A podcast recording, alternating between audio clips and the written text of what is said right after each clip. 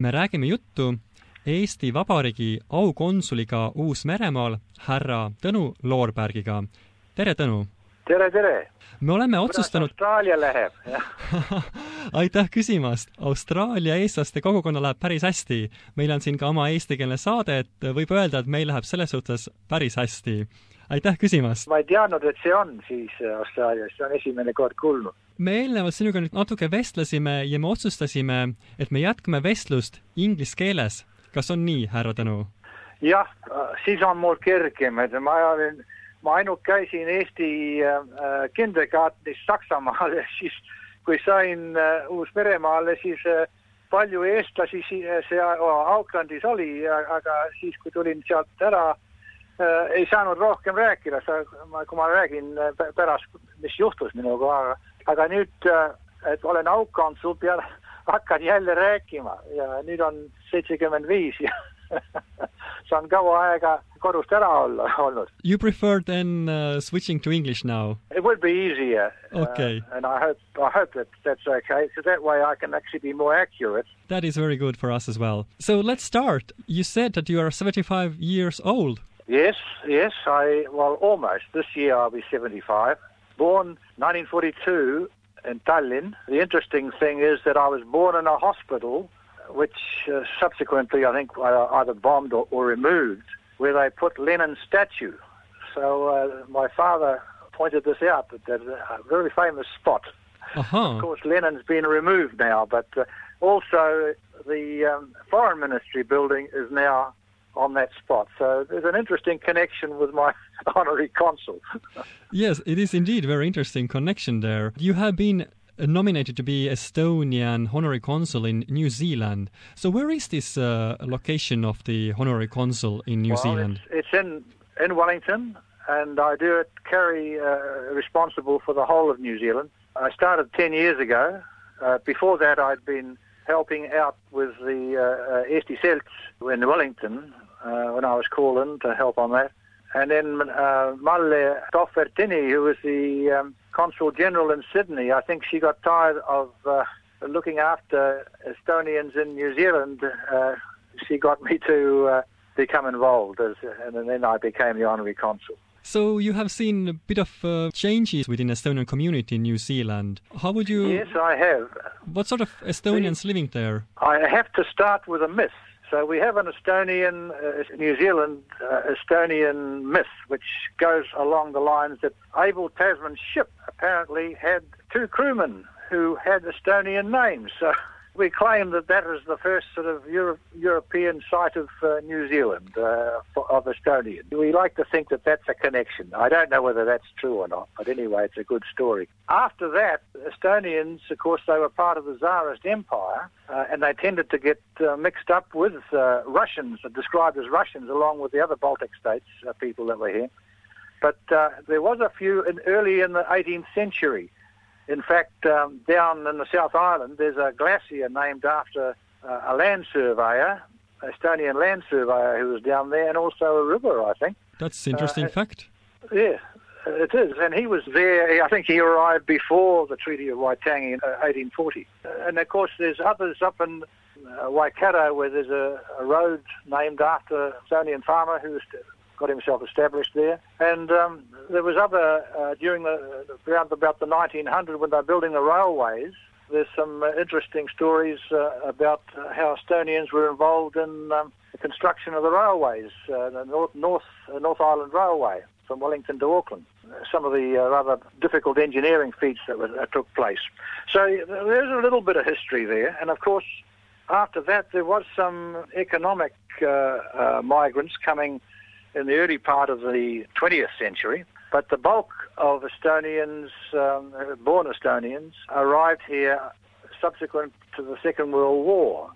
There was some uh, 400 4 to 500 uh, Estonian refugees who came in, in, different ships. The ship that I came on, I think there was about 120, um, mostly women and children, but some men. Of course, since then, since uh, Estonian re-independence occurred uh, in the 90s, uh, we've started having new uh, Estonians coming out to work with the, what is it, the um, uh, youth uh, work scheme, and some of them stay on.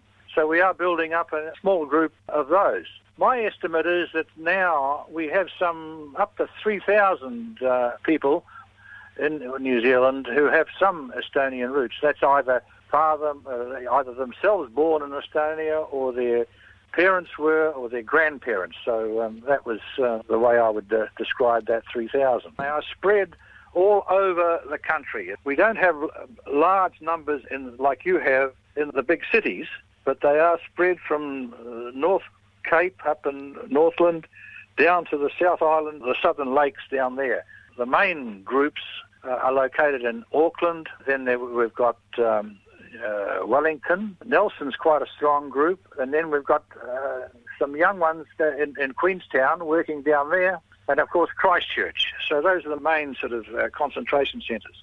The only um, Estonian uh, which we have, uh, which is regularly operating, is in Wellington, where we've we have essentially sort of three functions a year. We have Independence Day function, then we have uh, Jaanipäev, and then we have a Christmas function and, and sometimes uh, others as well. If you have those functions, uh, how big is the community? How many people usually come to the? Well, we, we in Wellington we usually get between sort of uh, around about 30 come to the function, sometimes up to 40, depending. Uh, more recently, we haven't had uh, sort of a, an, an, active drive, but uh, yeah, that would probably average out around about 30 to 35 uh, we would get to the gatherings in Wellington.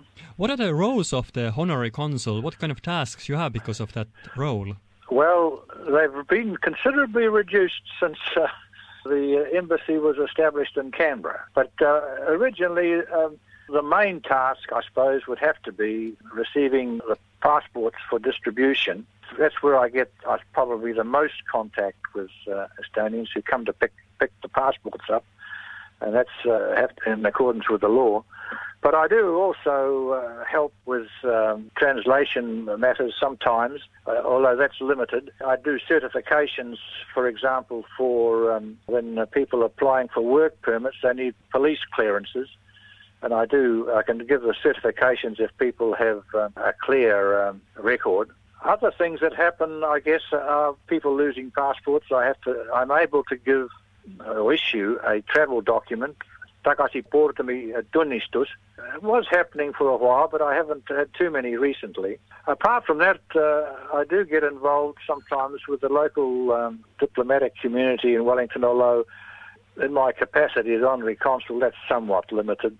They seem to um, uh, concentrate mainly with um, absentee uh, ambassadors from Canberra who come over here and, and, and the, uh, the people that are usually here. So we don't really get involved with political matters, although sometimes I do get involved with uh, like uh, recently um, we had the Institute of International Affairs, we had the uh, Hungarian foreign minister over here, and um, I uh, sort of attend these things and sometimes try to ask um, questions which uh, might be of clarification for our Estonian community in, in New Zealand. Should I put it that way?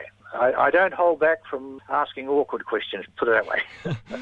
Do you sometimes uh, have to visit also Canberra in Australia? Well, uh, Canberra is an old stamping ground of mine, uh, actually. I, having lived there for four years, when I was at the Royal Military College Duntroon as a cadet.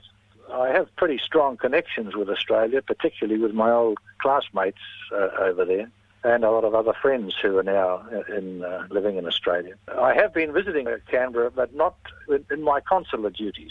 I should add that uh, my consular duties are done on a voluntary basis. We don't get funded for our activities. So we do it for love, shall I put it that way? That sounds beautiful love for Estonia and well, for Estonian people. Usually, usually, they try to pick someone with deep pockets, but and I guess in Southeast Asia and other places um, that might be the case. But in, uh, I, I try to do my best with a limited budget, shall I put it that way?